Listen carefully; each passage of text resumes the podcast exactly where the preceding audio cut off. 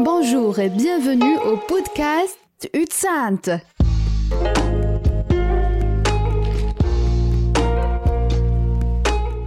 Konnichiwa, podcast Utsainte, yokoso. Du lytter til Utsendt, en podkast fra Misjonssambandet. Ja, da er vi i gang igjen. Velkommen til podkasten Utsendt. Mitt navn er Leif Thomas Gjerde, og i dag skal vi bevege oss øst i verden, til et land som er ja, inneklemt mellom de to gigantene Kina og Russland, nemlig Mongolia. Gjesten i dag er Inger Rismyr, tidligere utsending eh, for Misjonssambandet i Mongolia, og har eh, etter det jobbet som leder for bistandsarbeidet her på hovedkontoret. Hjertelig velkommen til deg, Inger. Ja, tusen takk. Du er jo aktuell med boka 'Mongolia mulighetenes land', utgitt på Lunde forlag. Det er en flott bok, eh, og det er på en måte et slags kan man si et historisk dokument eh, over arbeidet til Misjonssambandet i eh, Mongolia. Ja, det er det. Det er jo ikke utgitt noe særlig før om Mongolia, så jeg fant ut at det, nå trengs det noe dokumentasjon av det arbeidet. Men hva var på en måte tanken til å skrive en bok om, eh, ja, om arbeidet? Oppstarten var egentlig at eh, det var 25 år siden eh, Misjonssambandet begynte arbeid der. Ja. I 2019 så fant jeg ut at jeg har ikke skrevet noe i den forbindelse. Nei, det var ikke. Og så begynte jeg en radioserie på lokalradioen Misjonsradioen i Sandefjord. Og da fant jeg en masse dokumentasjon. Det var utsyn som jeg brukte som dokumentasjon. For jeg tenkte det er stoff som er utgitt tidligere og er ikke sensitivt, og da tenkte jeg da kunne jeg bruke det. Ja. Og så når jeg da hadde jobba med den serien, fant jeg ut at det er jo for gærent å bare sende det ut i lufta og så ikke gjøre noe mer ut av det. Og så tok jeg kontakt med Lunde om de var interessert i bok om eh, Mongolia. Og det var det. Og så har det blitt boka som du nå har foran deg. ja. Spennende. Så du, på en måte så hadde du da en podkast om Mongolia på, på radioen? Ja, og den gikk nesten over to år. Såpass, ja. Ja. Jeg har jo hørt liksom om, om Mongolia at det er landet med blå himmel. Ja, det er jo veldig tørt. Lite nedbør. Ja. lite skyer. Og da er det mye, mange soldager. Men det som er noe av problemet, var jo at en enkelte steder så er det ikke blå himmel. Fordi Pga. forurensning. ja.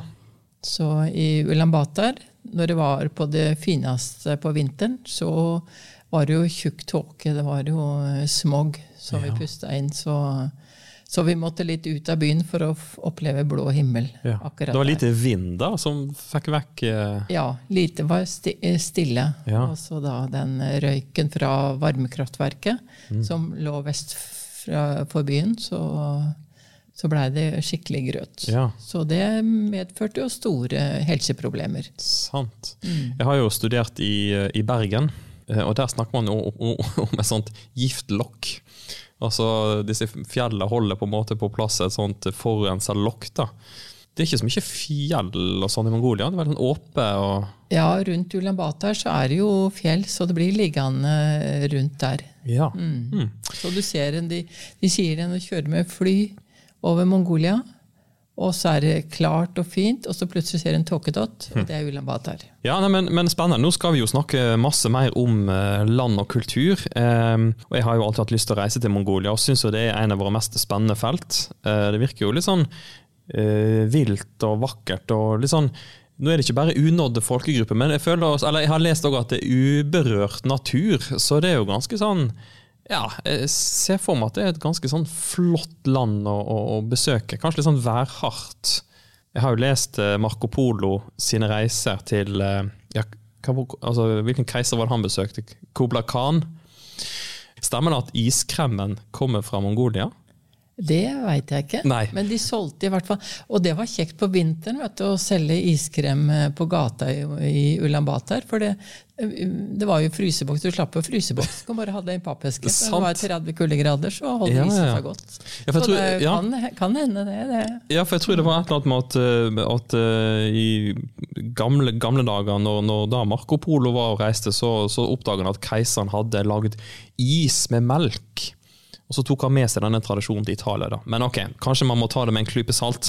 Ja, Men, men, det eh, var jo en måte å ta vare på melka på. Ja. For det var jo kaldt. Så Sant. hadde jo ikke noe annet enn at den var, den var frossen. Ja, Mm, ja nei, men, var eh, ferdig is. ja. Men, eh, men Inger, fortell nå litt, litt din bakgrunn fra Mongolia. Først hadde jeg litt sånn førstegangstjenesten der. Jeg var ute tre måneder vinteren 97-98. Det var bare sånn prøvers. For da trengte eh, de regnskapsfører der ute. Det var helt krise for å få folk. Og da skrev eh, Bjørn Brudli, som var misjonssekretær da, han eh, skrev at de trengte regnskapsfører, og kunne også reise ut på kort oppdrag på tre måneder. Da gjorde jeg det. Ja. Jobba du allerede i misjon på det tidspunktet? eller? Nei, da jeg jobba i fylkeskommunen. Ja. Var eh, inspektør på en videregående skole i Larvik. Akkurat. Larvik yrkesskole, som det het den gang. Mm. Så fikk jeg permisjon da til tre måneder i Mongolia. Ja. Så da, og det, det var jo kaldt og stusslig, og da den smoggen fra Ulan Ulaanbaatar-kraftverket. og- Men så var vi jo litt ute på landet og blei jo fascinert av folk. og eh, Så når de da eller så meldte jeg meg da seinere til tjeneste, enten i Mongolia eller andre steder. Og da trengte de igjen regnskapsfører til Mongolia, så da ble det ny utreise da i, i eh, 1999. 1999, ja. Så du var på en måte først på et litt kort oppdrag. Mm. kan man si at du ble litt bitt av basillen, eller du, altså det var noe med Mongolia som, som rørte deg? Ja, i det hele tatt det det, det går an å gjøre noe annet enn å ha en trygg og fast jobb i fylkeskommunen. Det går an å le på seg, fant jeg ut, og så da gjorde jeg det. Ja. Og da var du da, eh, da var du, reiste du tilbake til Mongolia, og jobba du da med var det mer med bistands... eh, nei, du var fortsatt regnskapsfører. Ja, første året var jeg regnskapsfører. Mm. Eh, Og det var det jeg reiste ut som da for et toårsoppdrag. Men så var det jo krise med å få folk ut. Så eh, de fikk ikke noen ny prosjektleder, så da tok jeg det. I tillegg til regnskapsfører. Og så hadde de heller ikke stedlig representant, så da ble jeg det.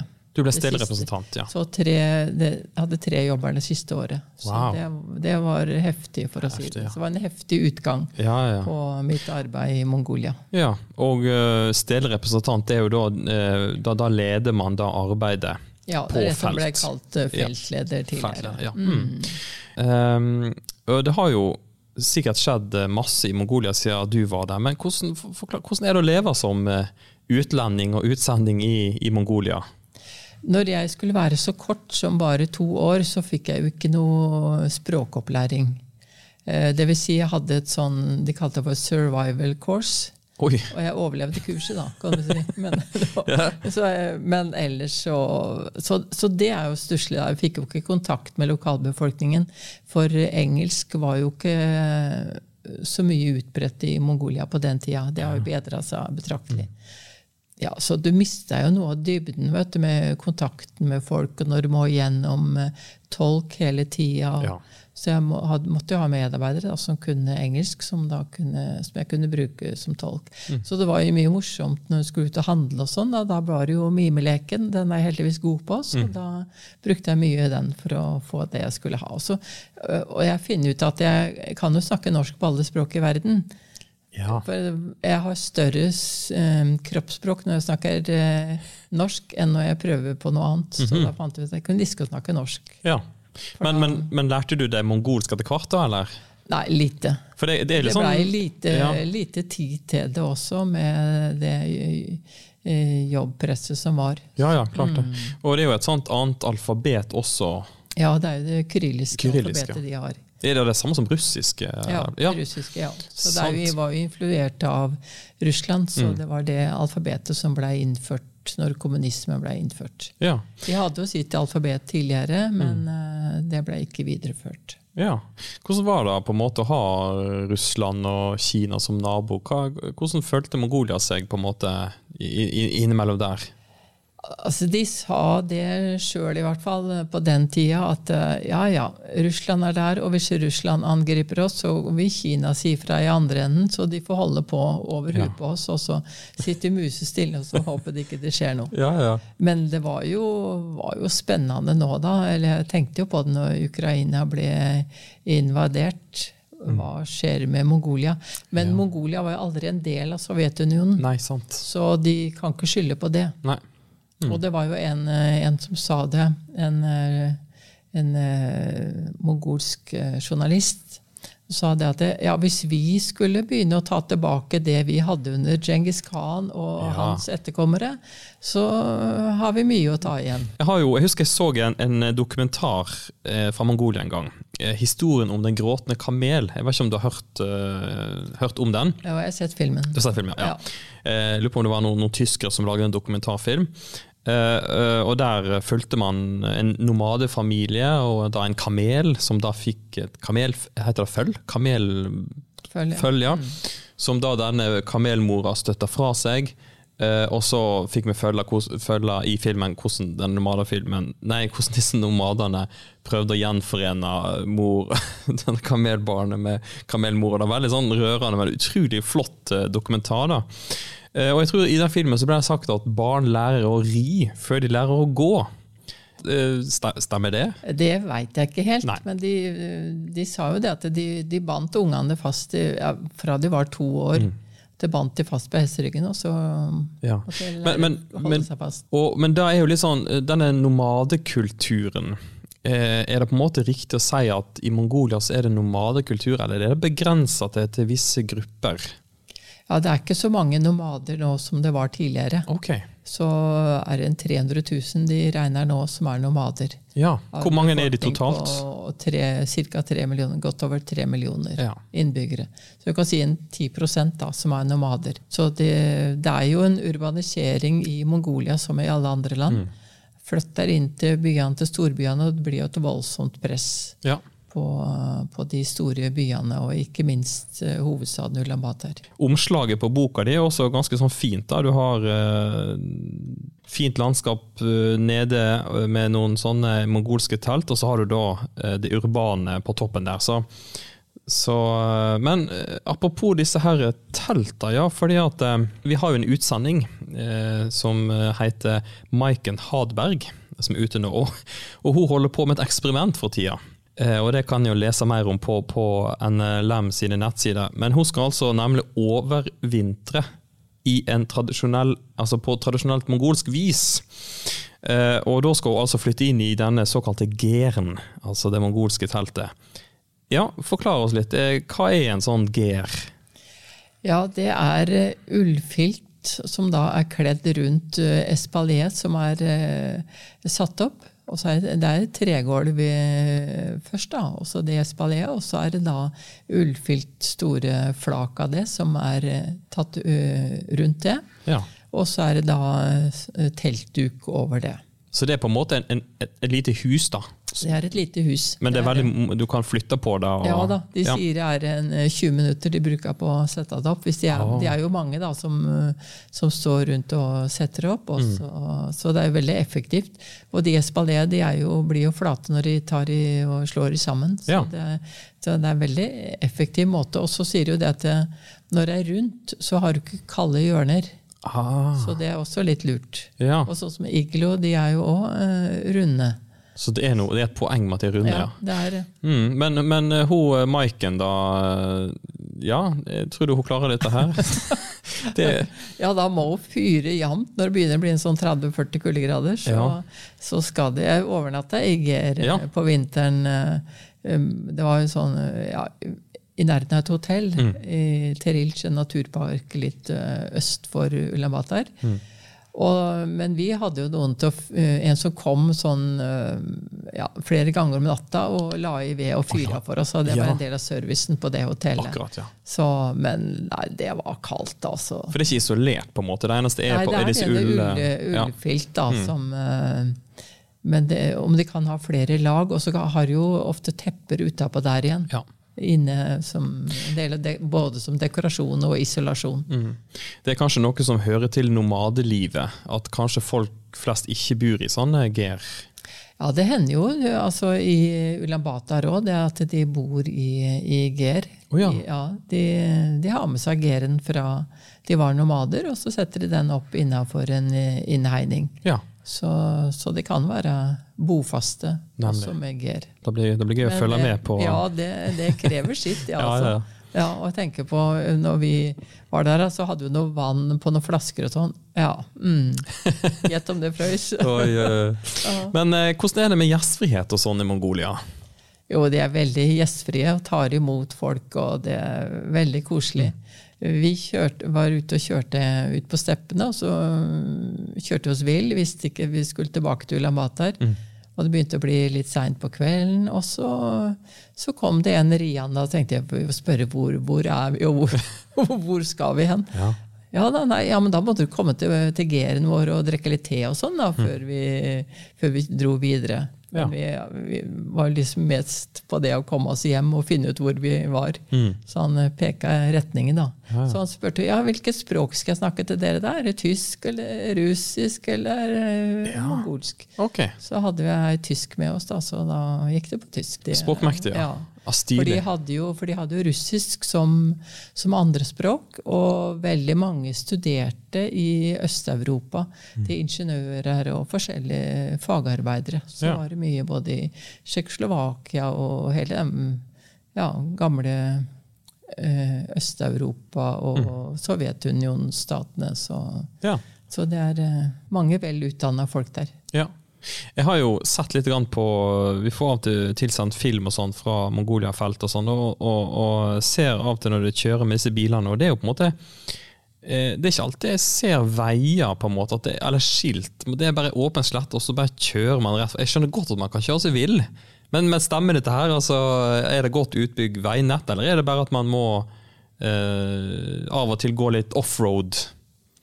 Ja, ellers så kommer du ikke langt hvis ikke du går oppover. Ok, Nei, så det, Veien blir til mens du kjører, kan du si. akkurat. Ja. Nei, det, altså, det er helt vanlig. Det er, eh, hvis du har sett de der eh, NRK-programmene der de kjørte med brannbil fra Mm. Ja. Norge til Eller fra, var vel fra England Ja. til Ulan Batar, eller de billøpa som har vært, så, Ja. så er det sånn. Det, det er ikke vei. Det er vei rett rundt byene, og så mellom de største byene så er det vei. Men eh, når du skal noe sted, så er det bare å Ja, de, de peiler seg fram etter stjernene, og, Mm. og så ser de jo en, et veiløp, og så håper at det, det kommer dit vi skal. Og det var jo eh, i, eh, Når de drev undersøkelser for å begynne arbeid i Mongolia, så er det en fortelling der eh, det er eh, Egil Grandhagen og Eigil Sanna blant annet, som er på tur. Med, og da kjører, skal de helt sørover Ja. i Mongolia. Og så kjører de og kjører, og så syns de de går liksom rundt nedover. og ned, eller, så til slutt da, så har de kjørt seg ned i ei kullgruve. Så Ok. det var, ja da, så, og det var liksom helt på kanten. Det var så mørkt at de, de så ikke det. Så det, Ja. nei da, så en skal følge litt med hvor en skal. ja. Ja, Det er spennende, men, men fungerer liksom sånn eh, Google Maps, altså GPS og sånn, eller? Det, det gjør det nok, Ja.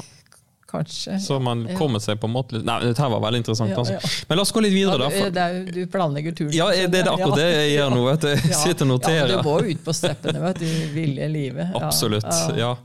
Eh, Men eh, når det handler om eh, litt om misjon og religion, så er jeg litt interessert i om altså, hvordan er det egentlig med religionsfriheten i Mongolia? Kan du forklare litt om det? Ja, det er religionsfrihet i, Ja. i Mongolia. Eh, Men når de skulle starte nasjonsbygginga etter kommunismens fall, så var det buddhismen som skulle være nasjonalreligion. Ok, Hvilke år snakker vi når Det er begynnelsen av 90-tallet. Begynnelsen av 90-tallet, ja. Mm. Da, da var det noen som satte seg sammen og, og, ville ha en statsreligion, da, eller? Ja, Ja. eller i hvert fall en religion som skulle ha eh, fortrinn. Ok. Ja, for siden buddhismen var jo det som var eh, hovedreligionen tidligere. Ja, før Sovjeten Sovjetten kom Ja, inn. For da var det ateisme Ja, som da var det ateismen. i sovjettida. Mm. Så det er jo, de regner vel at den halvparten er ateister, og Mm. kanskje 40 buddhister. og buddhismen er jo ofte blanda med litt sjamanisme Ja. også. Så, og så er det muslimer og Ja. ja. Hvor mange kristne kristne. Er det noe ja det regner en ca. 2 da, sånn 60 000. Mm. Mm. Ja.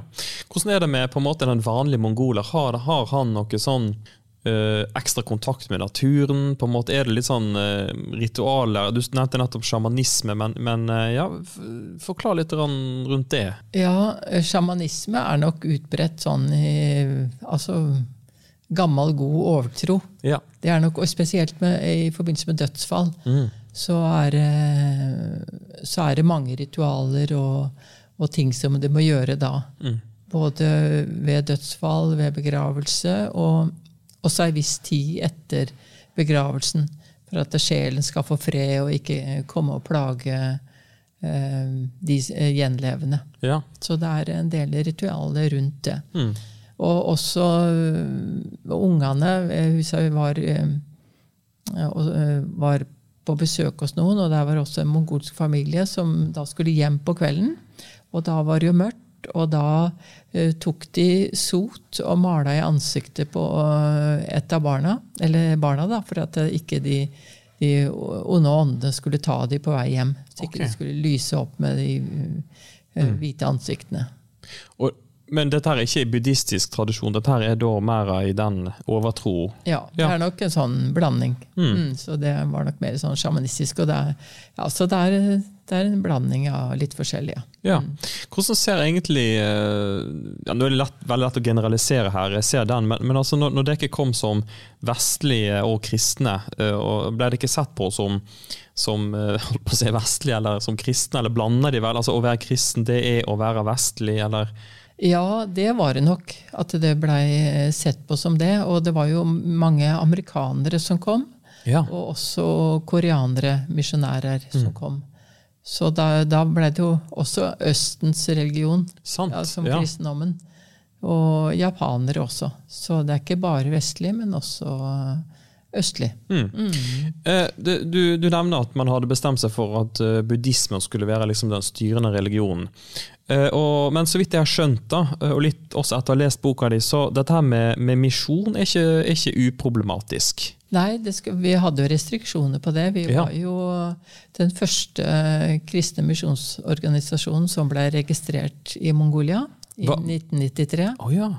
Og vi startet arbeidet arbeid da i 1994. Mm Eh, Men da var det jo mer restriksjoner. At eh, på vanlige i arbeidet så var det bistand som vi skulle drive med, og ikke vanlig misjonering. En kunne eh, misjonere blant venner og sånn, og hvis folk spurte og sånne ting. Så, men vi kunne ikke drive noe kirke. Nei. Det skulle vi ikke gjøre. Vi kunne være med i bibelgrupper og sånne ting. Men, eh, men det var ikke misjonering som var eh, oppgava til Misjonssambandet. Det var bistand. Ja. Også, Men det kunne være kristne fagfolk. Men, men, men det at ei lokal kirke sjøl drev med misjon, det, det, det er innafor. Ja, det, det går greit. Mm. Så det er eh, at ikke det skal ha en utenlandsk styrt eh, religion. Ja. Mm. Og så så du jo eh, Det blei jo en del kritikk av de kristne når de kom. For dette har, har vi ikke nok religioner, liksom? Vi har Ja. buddhismen og, og islam og sjamanismen, og det får greie seg med det, liksom. Så det var jo et av argumentene. Og så noe annet. Det her var jo sånn ja, 95-96. Og vi veit jo at i Jugoslavia på den tida så var det jo nettopp krig mellom to religiøse grupper. Ja. Mellom kristne og muslimer. Så man frykta litt at det Ja, kunne Så tenker jeg at ja, kommer nå de kristne hit, og så har vi da muslimer fra tidligere, ja, da kan vi risikere det samme som i Jugoslavia. Så det, det var et av de tinga eh, som ble eh, tatt fram i den diskusjonen om, eh, om nok en religion inn i landet. ja. Er det fortsatt en frykt på en måte eh, nå? Altså, Nei. eller har man sett at ok, her kan man leve i en slags harmoni? Ja. Jeg tror ikke den er framtredende. Det var akkurat da, og da var jo Jugoslavia akkurat da, i 95, var jo grusomme massakre og, Ja. som var da. Ja. Mm. Um, uh, og da Misjonssambandet kom jo til Mongolia i 1994, eller noe sånt. ja. Men, men det var jo på en måte som en, eh, en konsekvens av et eh, Nå siterer jeg fra boka di, et slags nødrop som kom fra Mongolia. Kan ikke fortelle litt om hva var det som gjorde at Misjonssambandet bevegde seg eh, til Mongolia? Misjonssambandet har jo bestandig vært interessert i å gå videre til nye land. Ja. Og eh, en så jo det når eh, muren falt og Sovjetunionen falt. Da var det mange land som blei åpne for misjon. Og det var jo da naturlig for Misjonssambandet, da spesielt Egil Grandhagen, og tenke ja, hvor, åssen kan vi bruke denne muligheten her? Så da var det flere land som var eh, aktuelle, bl.a. Eh, Kasakhstan var det tenkt, og også Mongolia. Um, og så er Egil Granhagen da i London Ja. på et, eh, et senter som forska mye på misjon. Og der finner en, eh, eller blir gjort oppmerksom på et dokument der det står at helseministeren i Mongolia eh, han ber om hjelp i helsearbeidet og kan ta imot uh, også kristne fagfolk. Så tenkte jeg aha. Så det var det som starta det at det blei Mongolia. Og så blei det gjort mange undersøkelsesreiser. Og, og så blei det da Fikk en avtale med myndighetene og fikk eh, eh, ja, samarbeid med Verdens helseorganisasjon, Unicef, og fikk veldig breit grunnlag til å starte arbeidet i Mongolia på. Ja, Men, men det, det er veldig eh, litt spennende altså at helseministeren i Mongolia presiserer det kan godt være kristne fagarbeidere. Ja. Hva, hva ligger det i det? Ja. Ja, Godt rykte, eller? Hvor, ja, hvor, ja jeg, veit ikke hvorfor han gjorde det også, men det kan godt være kristne. Så det, det hadde han med i det, det intervjuet som han hadde gitt. Ja, Veldig spesielt. Mm. Så det kan jo være at det er blitt spurt om det i intervjuet, og at Ja. han, har, han har svart mm. med det. At det gjør ikke noe med det kristne. Nei, at det var kanskje et signal om at nå, er vi, nå har vi lyst til å være mer åpne enn vi var under sovjettiden. Det kan jo godt hende. ja. Nei, men men uh, interessant. Eh, hvis vi går litt over til eh, altså Vi kunne snakket masse om eh, både kulturen og alt dette her, men, men la oss gå litt mer inn på, på bistand. Eh, fordi at i, i Mongolia så har på en måte Misjonsarbeidet valgt å fokusere på ja, bl.a. på bistandsarbeid. Men det jeg lurer på, er det ikke litt sånn når man kommer på felt og skal inn i bistandsarbeid, er det litt sånn forvirrende for de som er der å skille mellom bistand og misjon, eller kaller vi alt for misjon, og bistand er bare én måte å vise det på, eller hva, hva er dine tanker rundt, rundt det? Eh, Bistand det er jo å hjelpe folk til å hjelpe seg sjøl. Altså du står ved siden av og, og hjelper og støtter. Og det har absolutt sin eh, egenverdi. Um, og det som har vært eh, clouet kanskje i Mongolia, det er at vi, vi var jo avhengig av å ha et godt samarbeid med myndighetene. Og dermed så fikk vi eh, eh, altså være med å bygge opp det offentlige helsevesenet Ja. på en god måte. Altså, Vi bygde, byg ikke, vi bygde ikke vårt eget. Det var, var ikke Misjonssambandet som bygde helsevesen, men det var et helsevesen, og vi støtta det. Og ga kompetanse, og av og til noe utstyr, men det gikk mest på uh, kompetanse. Og da, da var det jo deres eget hele veien. Det var ikke vårt. Og det, det er viktig i alt bistandsarbeid. Ja. At ikke det blir vårt arbeid. At ikke vi bygger et, mm. et sykehus som kanskje er med på å undergrave det offentlige. For kanskje det der på det offentlige må det betale, men hos oss må det ikke betale. Sant. Og det er mange sånne ting. Så det er sånne fallgrupper vi skal um, altså Det står litt om det at eh, bistand kan være en måte å vise snillhet på, eller godhet, på. Men, men eh, det, er, det er jo å hjelpe folk til å, få et godt system. Og, og det står litt om det også at eh, hvis du ikke har myndigheter som fungerer, så nytter ikke hva slags bistand du driver med, for det, det faller i fisk når, eh, når vi forlater åstedet. Ja. Da, da blir det ikke noe mer enn Ja, ja, det var en happening, men det blir ikke noe mer. Det Ja. må være noen som har ansvaret hele veien og helt fra begynnelsen. Og det var myndighetenes ansvar, og vi gikk inn og bisto dem. Mm. Da, og, og da kan en på en måte ettergå litt nå, da. Altså at man kan se resultatet, at ting har ikke falt i sammen, men at ja, det fortsatt er, er der. Ja. Ja, at de har, ja, myndighetene bare fortsatte sitt arbeid, men med mer kompetanse Ja, enn før eh, bistanden var inne. Men det du sier der er at Misjonssambandet har vært eh, med å, å, å, i en tidlig start da, å bygge opp helsevesenet i Mongolia. Ja. Det er, ganske, det er jo ganske stort, da. Ja, det er det også. Og det har jo ja, eh, du fått en del utmerkelser og fått Ja. Eh, blitt ansett som eh, seriøse bistandsarbeidere. Så det har eh, Jeg jobba jo aldri direkte ut i bistand. Men jeg var jo ikke fagmenneske på den måten. Jeg var mer på det administrative. Så det var veldig mange dyktige helsearbeidere og innen landbruk og innen sosialtjenester og veldig mange flotte folk som har gitt mye, og som genuint Jeg har tenkt mongolernes beste. Og, og, men er det slik at eh, Jeg vil jo anta da at uh, Misjonssambandet har en slags standing i, hos myndighetene. Altså, vi, De eh, hvem vi er, og på en måte syns det er veldig ålreit at vi er der. Så vi har godt, rykte, da, for å si det på en lettere måte.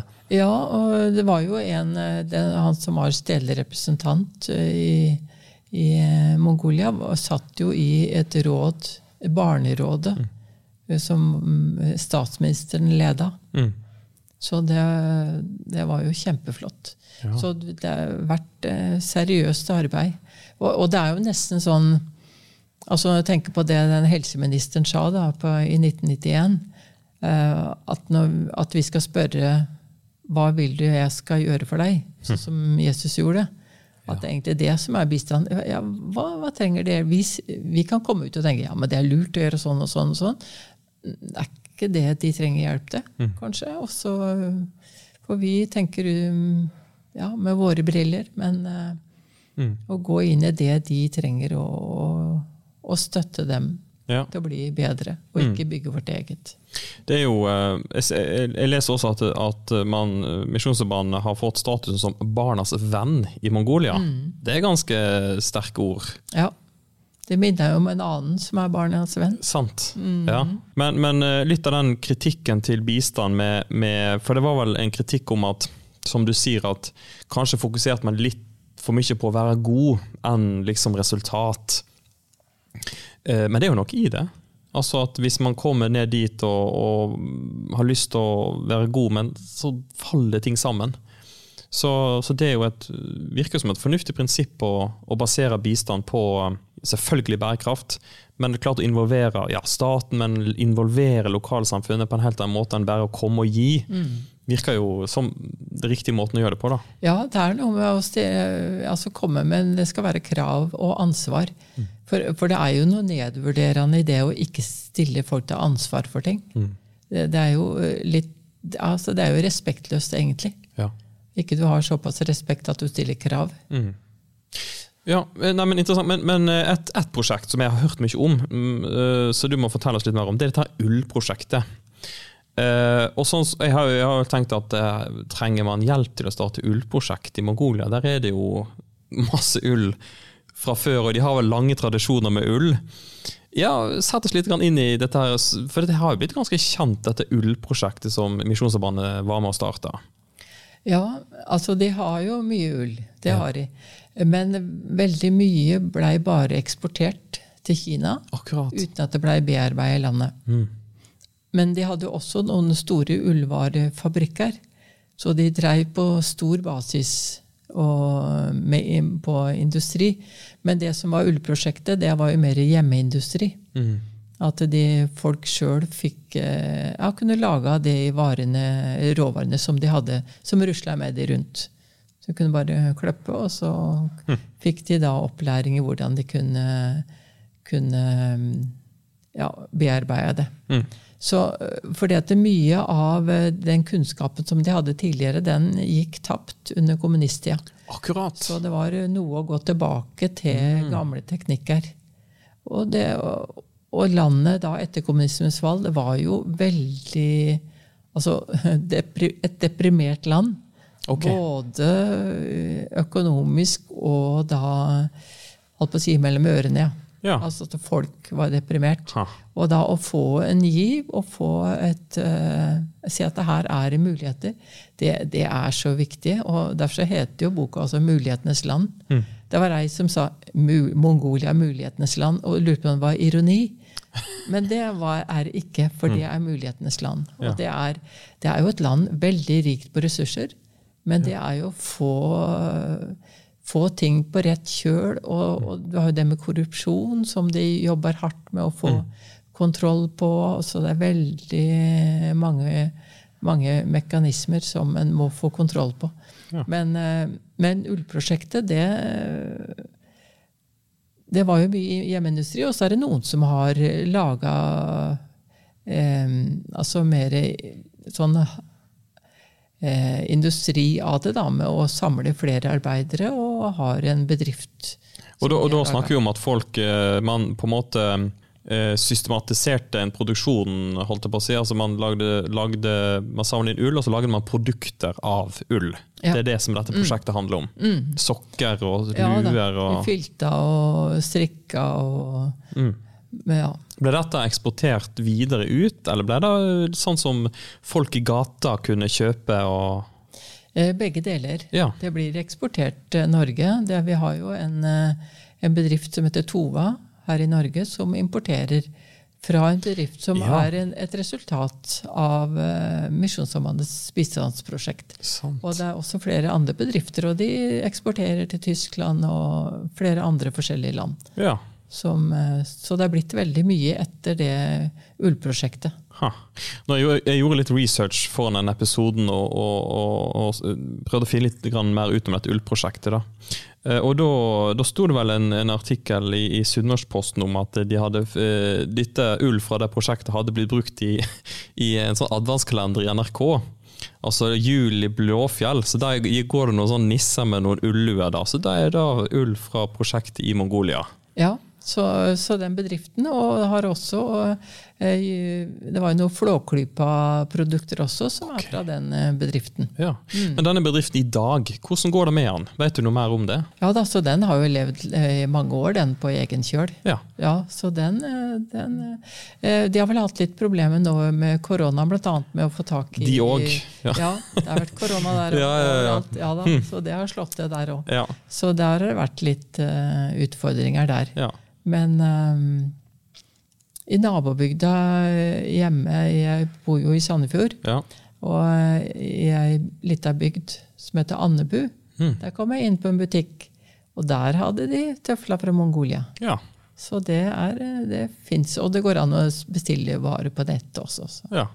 Eh, Nå, eh, nå nevnte du bitte litt om utfordringer, men det, når jeg sitter og hører på det, så virker det som at ting Det er mye godt å fortelle fra Mongolia, men, men er, er det noe som ikke har fungert? Altså, er det noe som har gått skikkelig galt? Ja, altså vi, vi hadde noe prosjekt eh, eh, angående ny type toalett. Ekosand toalett. Okay. Og det, da var det sånn at de skulle gå på do, og da skulle det være skilt da, urin og avføring.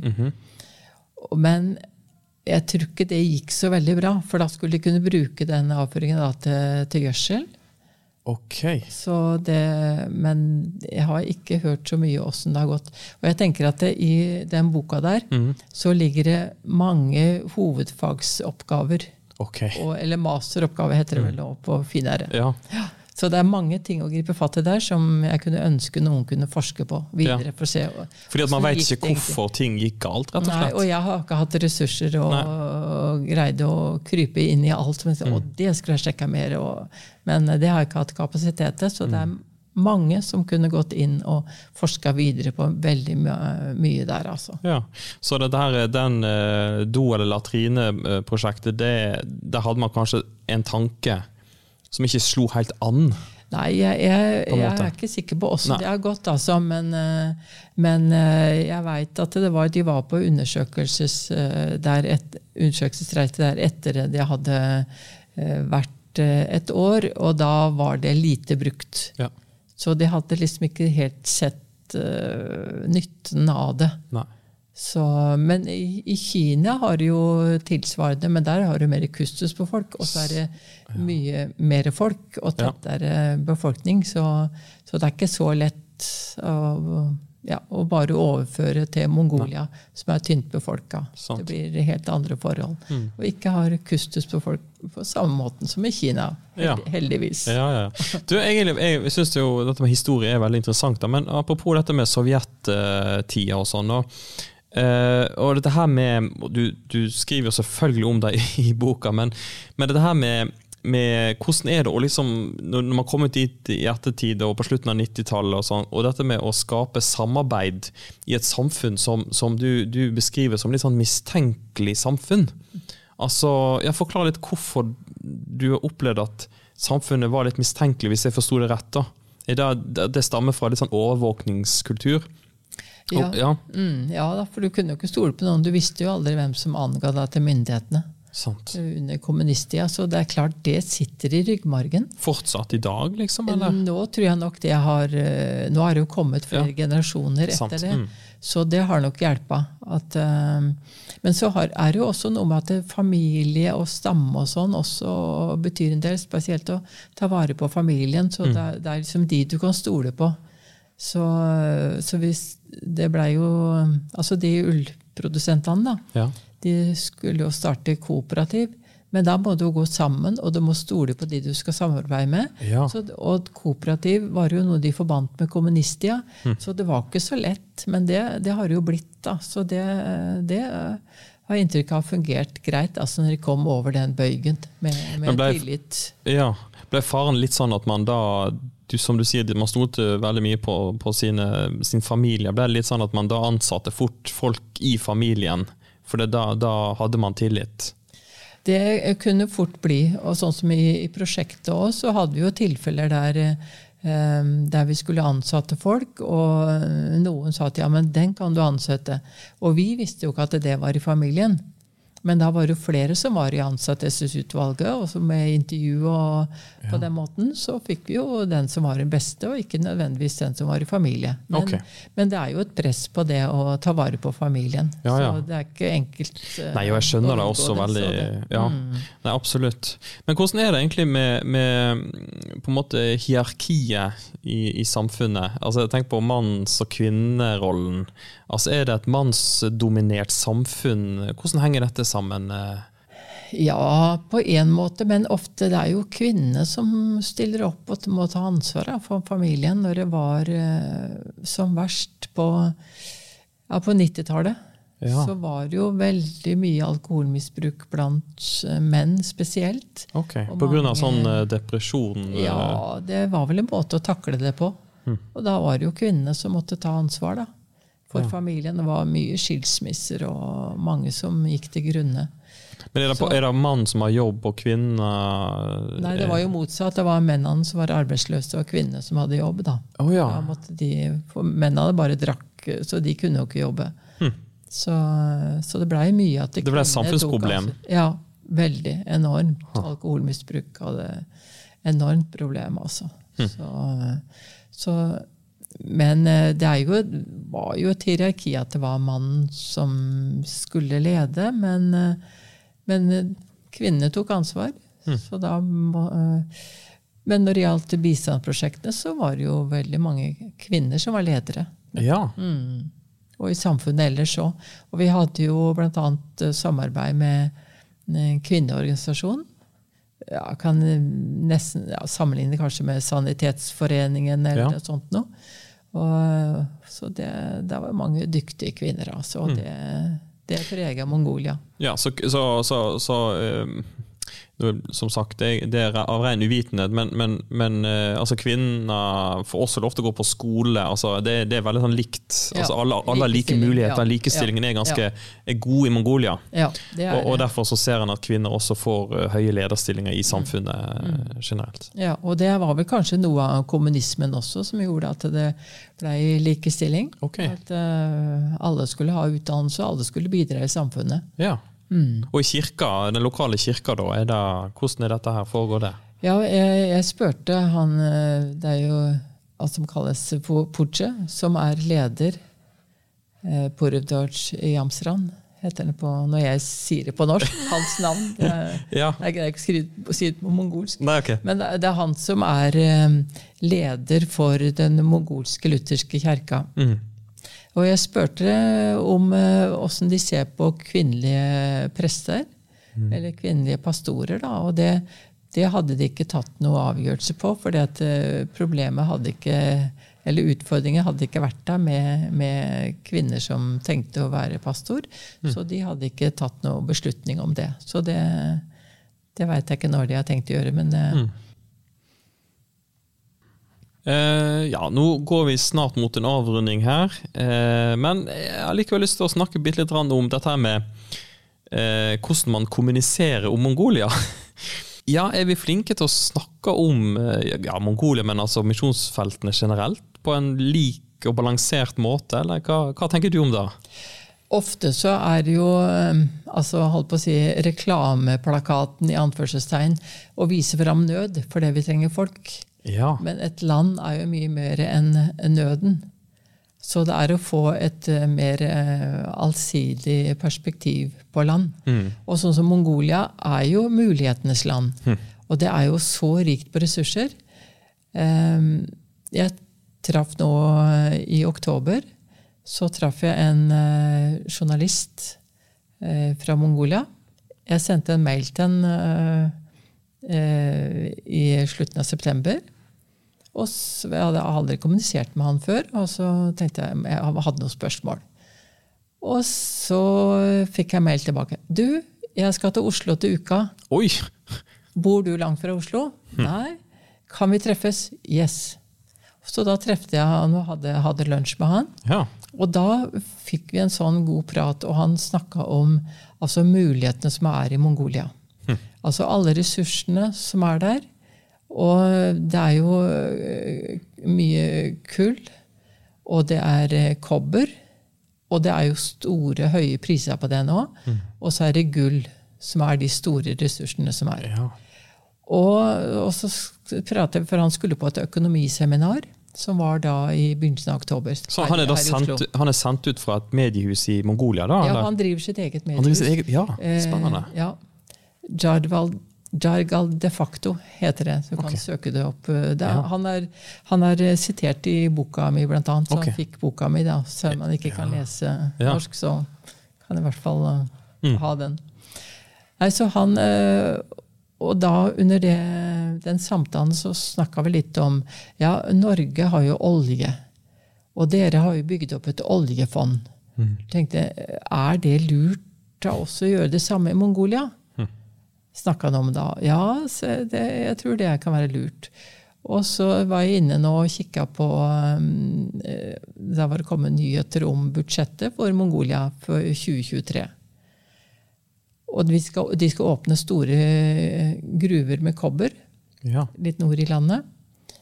Og da har de avsatt, eller bestemt at nå skal de ha et uh, sånn pensjonsfond à la Norge, sto det nevnt i budsjettet. Ja. Så da har de bestemt seg for det. Og da, for da er det å ta vare på ressursene på lengre sikt. Mm.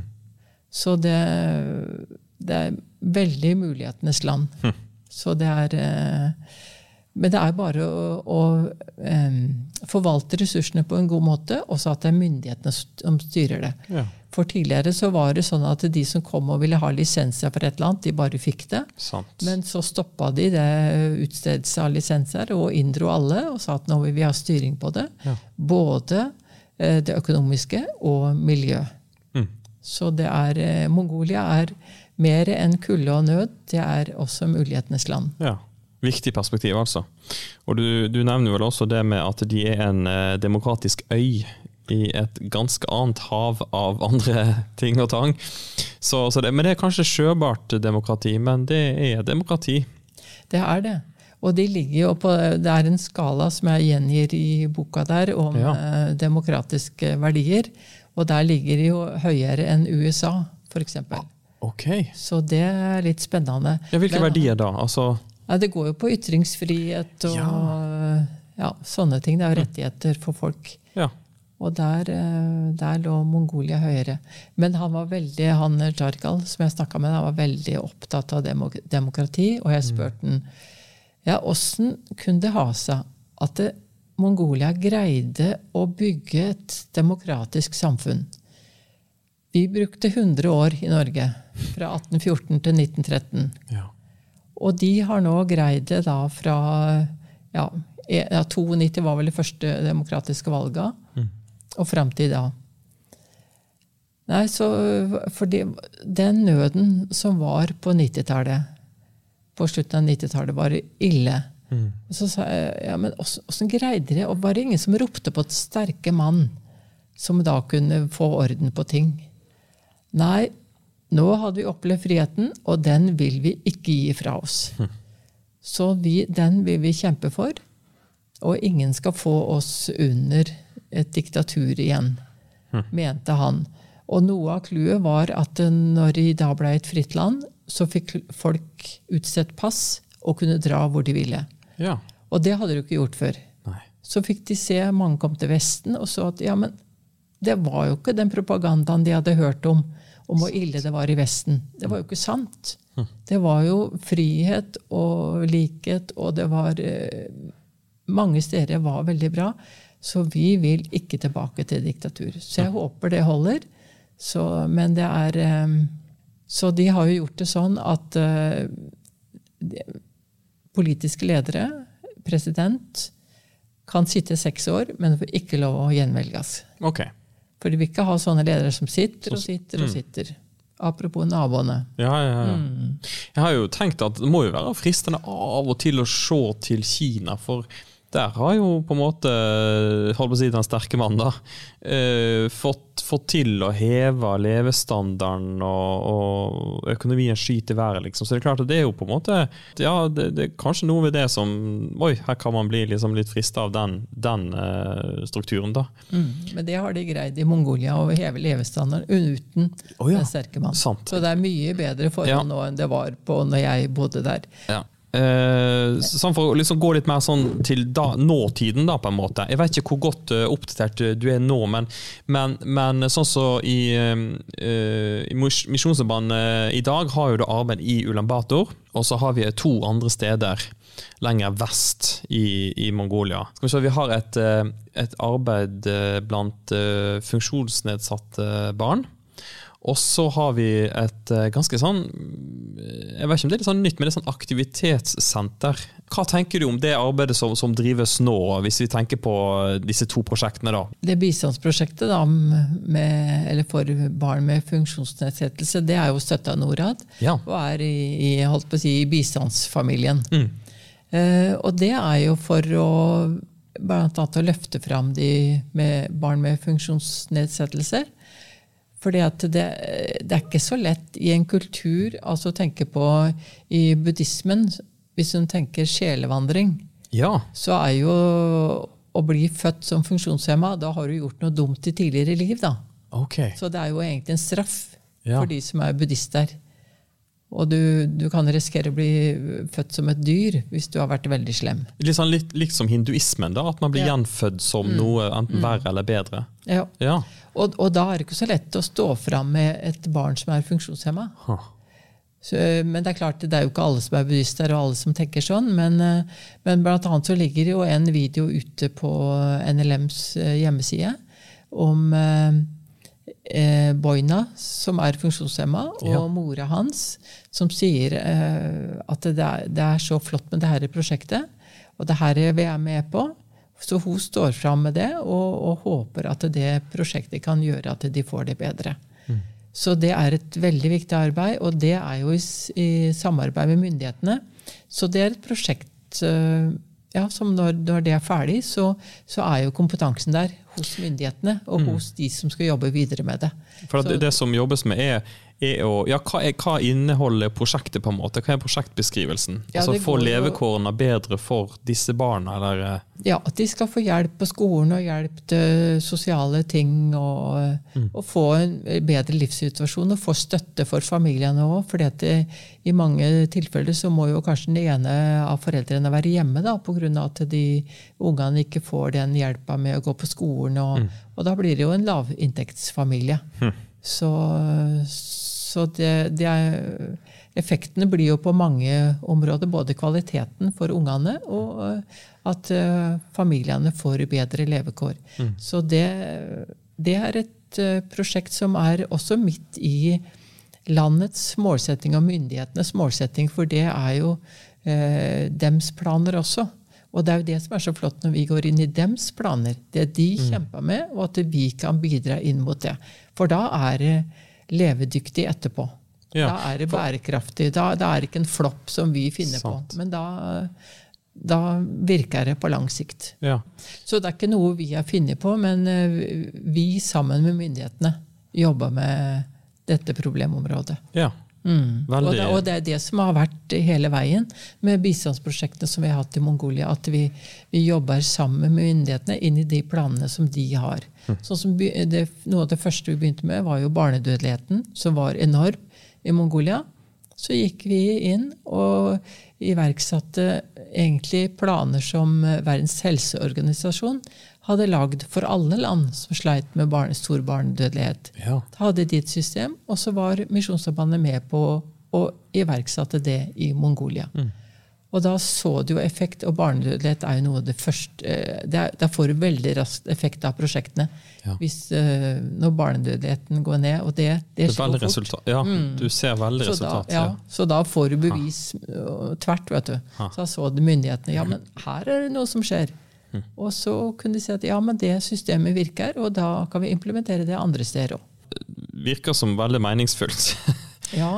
Absolutt. Så Eh, egentlig så tenker jeg på, på bistand at um, mye av det som står om bistand, og de eksemplene om det som er i den boka Mongolia, det, er, det burde egentlig vært pensum for alle som driver med bistand. Er det sånn at eh, For at, uh, man kom jo dit som Kanskje blir man sett på som vestlig, man blir sett på som en bistandsarbeider, men det skinner jo igjennom også eh, det kristne verdisynet man tar med seg. Ja, det er jo noe med den eh, kristne omsorgen og det, det kristne budskapet. At en får, får formidla det også i handling. Men det er klart, eh, mange mennesker gjør mye godt. Sant? Men vi har også noe ekstra. Altså den åndelige bagasjen som vi også kan, kan gi til folk. Altså at det, det er noe utover dette liv. Og også en hjelp i dette liv. Og sånn som jeg forteller i en av historiene i, i boka, da, at ja, det er jo mye bra i eh, mange religioner, men hun hadde opplevd at ja, Bibelen og kristendommen snakka jo sant om livet. Og det var så godt å få å se det, at det, det var sant om livet, og det var noe å, å bygge livet på. Ja, men Det syns jeg var en fin måte å avslutte denne episoden på. Tusen takk, Inger, for det du har bidratt med i Mongolia, og at du tok turen hit til eh, denne podkasten. Bare hyggelig. Så anbefaler jeg folk å skaffe seg boka 'Mongolia mulighetenes land' for å bli enda mer kjent med arbeidet og historien til Misjonssambandet i Mongolia. I redaksjonen sitter også Elise Haugland og Narve Jonas Nystøyl. Mitt navn er Leif Thomas Gjerde.